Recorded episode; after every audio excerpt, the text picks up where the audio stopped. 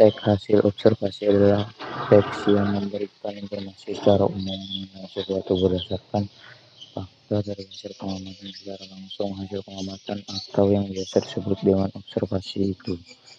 dilakukan oleh si pengamat dengan terjun langsung ke lapangan untuk mengetahui sumber informasi.